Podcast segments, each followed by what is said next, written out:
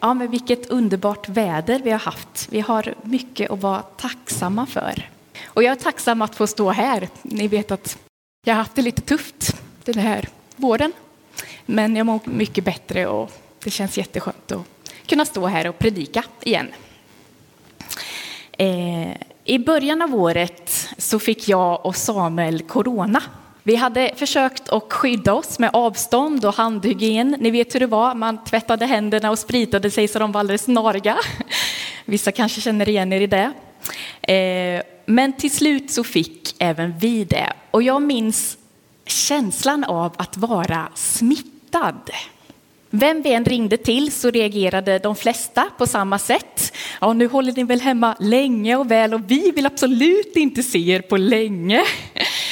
Eh, och om man råkade träffa någon granne när man var ute och hämtade posten så kändes det som att de tryckte sig mot väggen och knappt ville prata.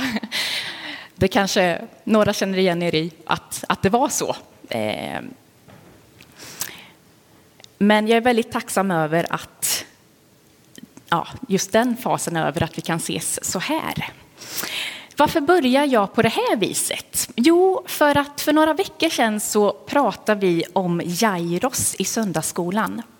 Och jag började fördjupa mig i den texten och den texten handlar även om en kvinna med blödningar.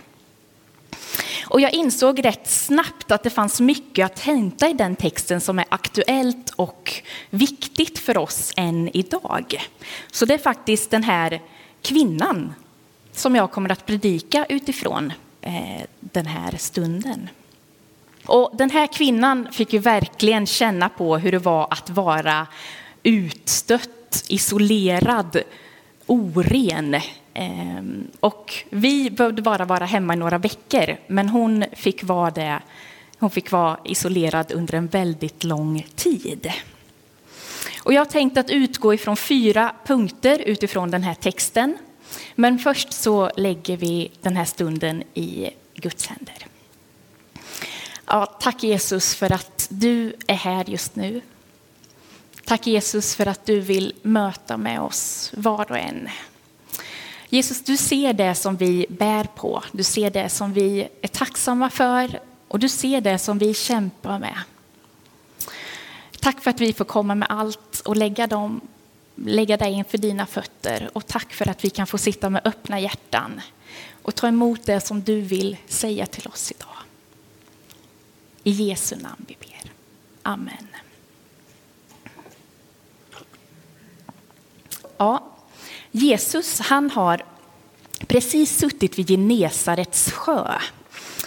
Och det är mycket folk runt omkring honom. Han har undervisat och så kommer det en förtvivlad man. Jairos och han kastar sig framför Jesu fötter. Så ber han Jesus följa med hem till honom för att rädda hans lilla dotter som håller på att dö. Och när vi kommer in i den här bibeltexten så är det just med de här orden.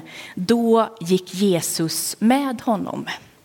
Så Jesus, han är alltså på väg till Jairos familj och på vägen där så finns det en kvinna. Kvinnan med blödningar. Så här står det i Markus evangeliet kapitel 5 och vers 24 till 34. Då gick Jesus med honom mycket folk följde efter och trängde sig in på honom. Det var en kvinna som hade haft blödningar i tolv år.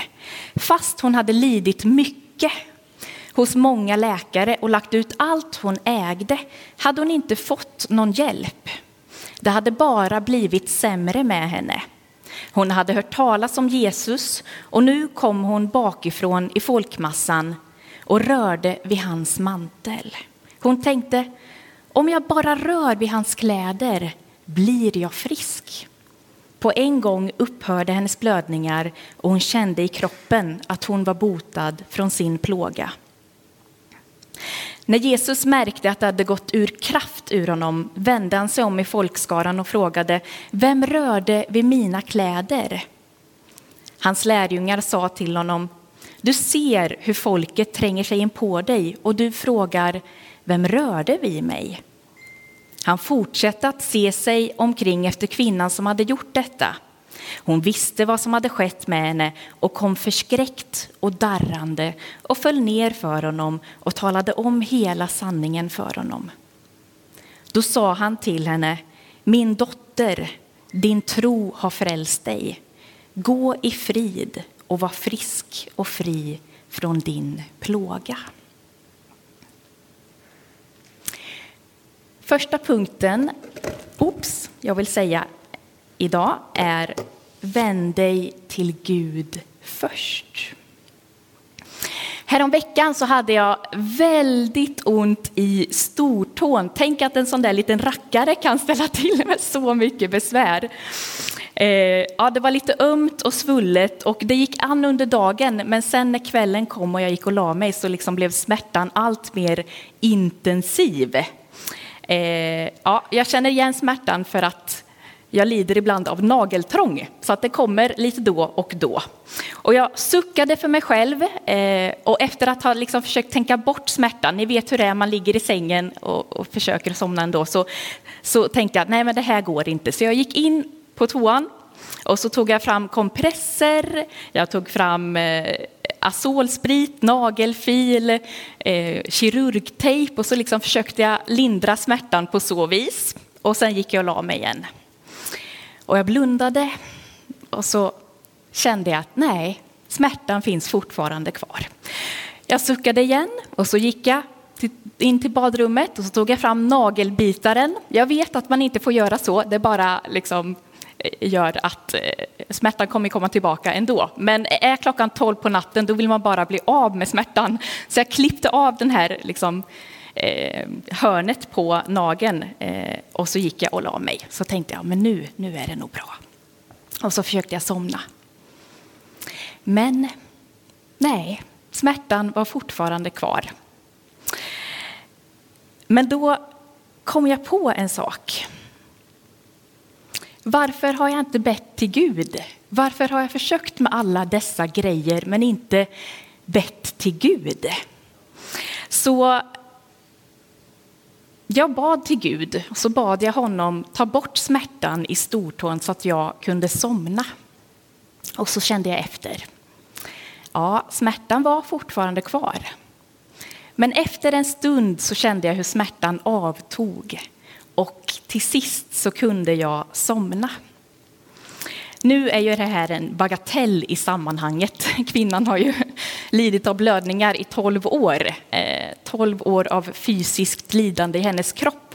Men jag tror att många av oss ska känna igen oss i den här kvinnan. Att, ja, men det stod, fast hon hade lidit hos många läkare och lagt, lagt, lagt ut allt hon ägde, hade hon inte fått någon hjälp. Det hade bara blivit sämre med henne. Kvinnan hon hade alltså provat allt, lagt ut allt hon ägde och det hade bara blivit sämre. Ibland känns det som att vi är beredda att prova allt för att bli av med vår smärta eller sjukdom eller depression eller psykiska ohälsa. Men att vi glömmer bort att vända oss till Gud. Att Gud blir han blir liksom det sista vi prövar när vi har provat allt i mänsklig väg. Så låt oss gå till Gud först med det vi brottas med, vad det än må vara. Och punkt två. Våga ha en förväntan på att Gud kan möta dig. Där Jesus gick framme kan vi läsa att det var en stor skara som följde efter honom. Det var många som rörde vid Jesus den dagen utan att vara med om ett under. Varför fick inte de vara med om ett under? Det fanns säkerligen fler i folkmassan som hade behövt bli botade på ett eller annat sätt. Vad var det som var så unikt med just den här kvinnan? Jo, hon hade en förväntan och en tro på Jesus, att han kunde göra det omöjliga. Och hon gjorde ett medvetet val att närma sig Jesus. Hon tog en risk, för hon visste mycket väl att hon var oren enligt judisk lag och att hon inte skulle vara bland folk, för då kunde de bli orena. Men hon hade insett sin egen begränsning och trodde att räddningen för henne fanns hos Jesus.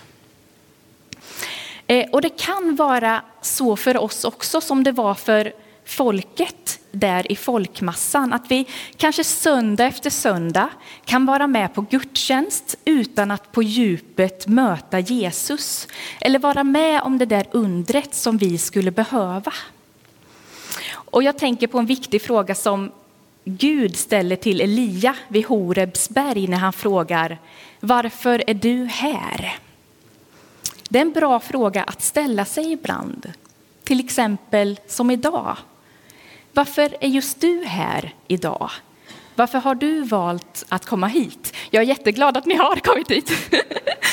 Men eh, är det av vana eller trivsel eller plikt? Eller är det för att du har en förväntan på att verkligen bli berörd av Gud? Jag vill läsa en berättelse ur den här boken, Helt liv, som pastor Daniel Röjås har skrivit. Då står det så här. Föreställ dig en familj hoppressad i bilen på väg hem från kyrkan efter söndagens gudstjänst. Klockan har hunnit bli halv två efter det sedvanliga kaffet och fläkten går på högvarv för att hålla imman stung, på rutorna stungen. Under en lång tid hörs är pappans kurrande mage det enda ljud som hörs som bryter tystnaden.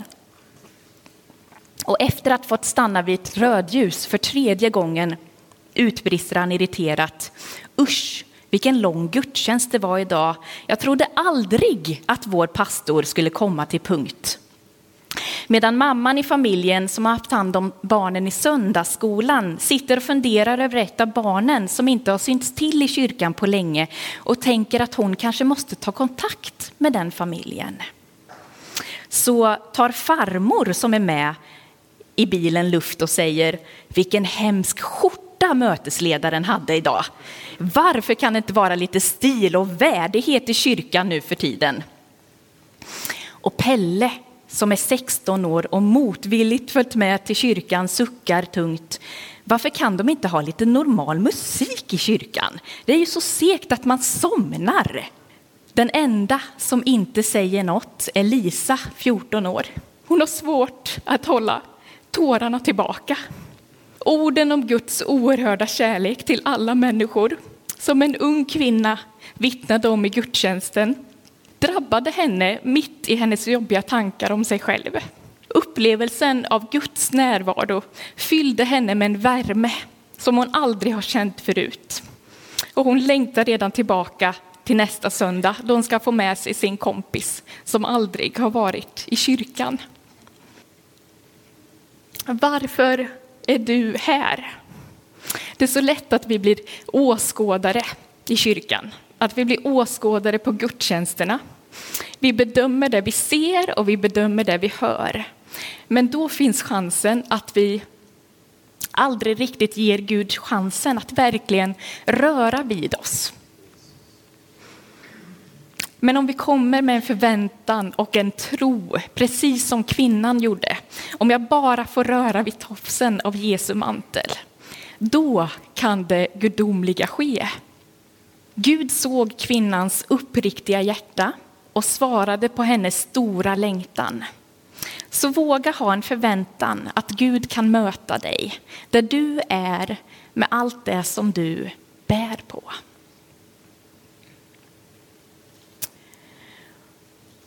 Och punkt tre är kraften i ord. Det här med ord, det är inte alltid helt lätt.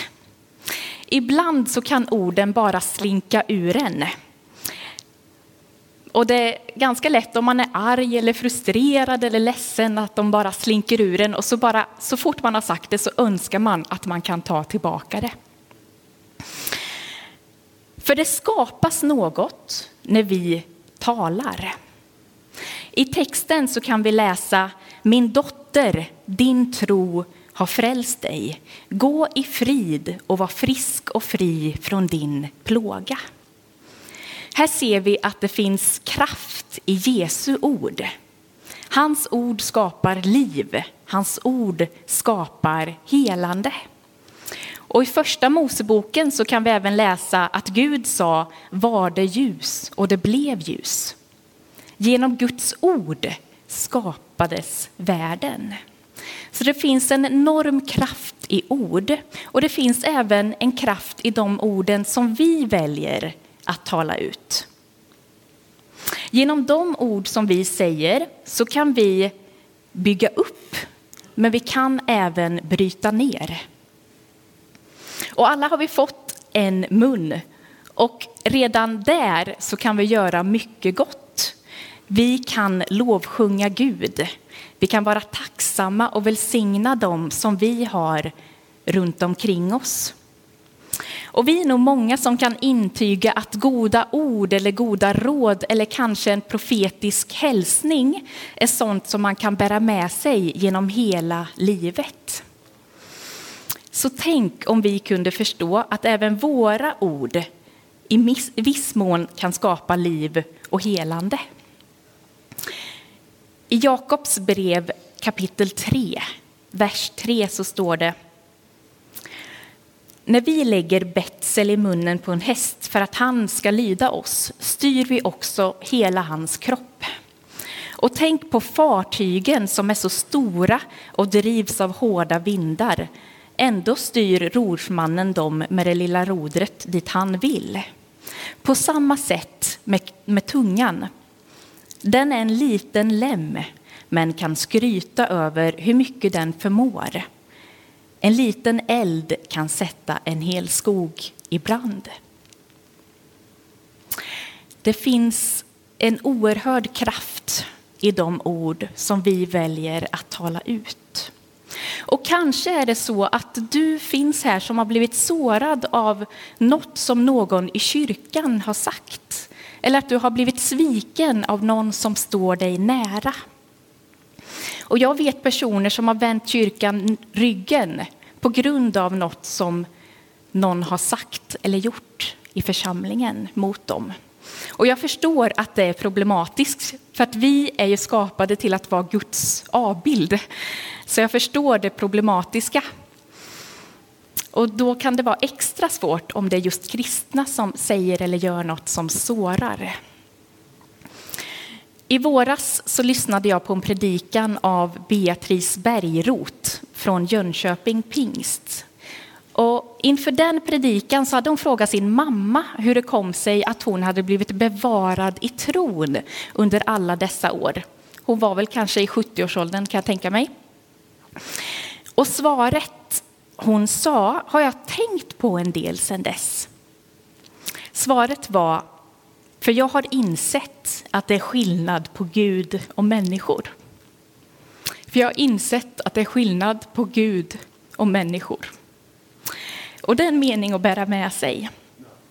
Tyvärr händer det att människor sårar oss, även i kyrkan. Vi är alla människor med brister och även om vi försöker vara helgade så gör vi misstag.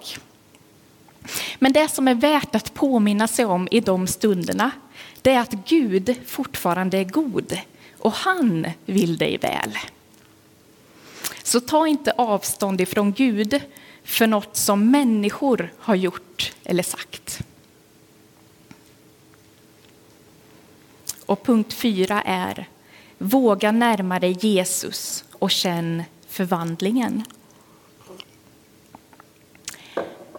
Kvinnan hon levde ju i en kultur där hon ansågs oren. Hon fick inte röra med någon, för då blev även den personen oren. Hon ansågs vara en fara för sin omgivning och hon var dömd av alla. Men på något sätt så hade hon hört talas om Jesus. Hon hade säkert fått höra andra blivit helade av honom och hon tänkte att kanske hoppet fanns kvar för henne ändå.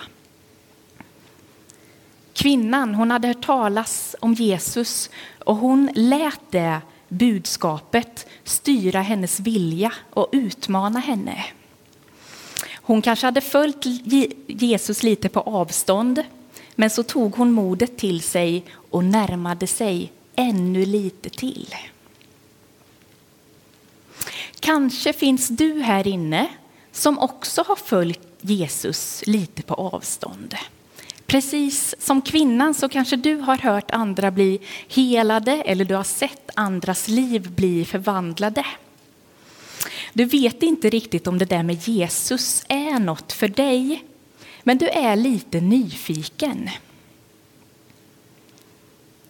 Idag finns det möjlighet att för första gången eller ännu en gång närma dig Jesus. Kanske finns det något som du vill bli fri ifrån i ditt liv. För Jesus, han helade inte bara kvinnan fysiskt, utan han gjorde en ännu viktigare sak. Han helade hennes inre och gav henne frälsning. Kanske är det så att Jesus ställer samma fråga till dig idag. Vad kan jag göra för dig? Han vill aldrig tränga sig på. Han låter oss alltid få ett val. Det finns en lovsång som heter Vi vill ge dig det bästa vi har. Och första gången jag hörde den så kände jag lite blandade känslor. Texten går så här. Vi vill ge dig det bästa vi har. Mun och händer, allting som är dyrbart. Vi håller inte igen.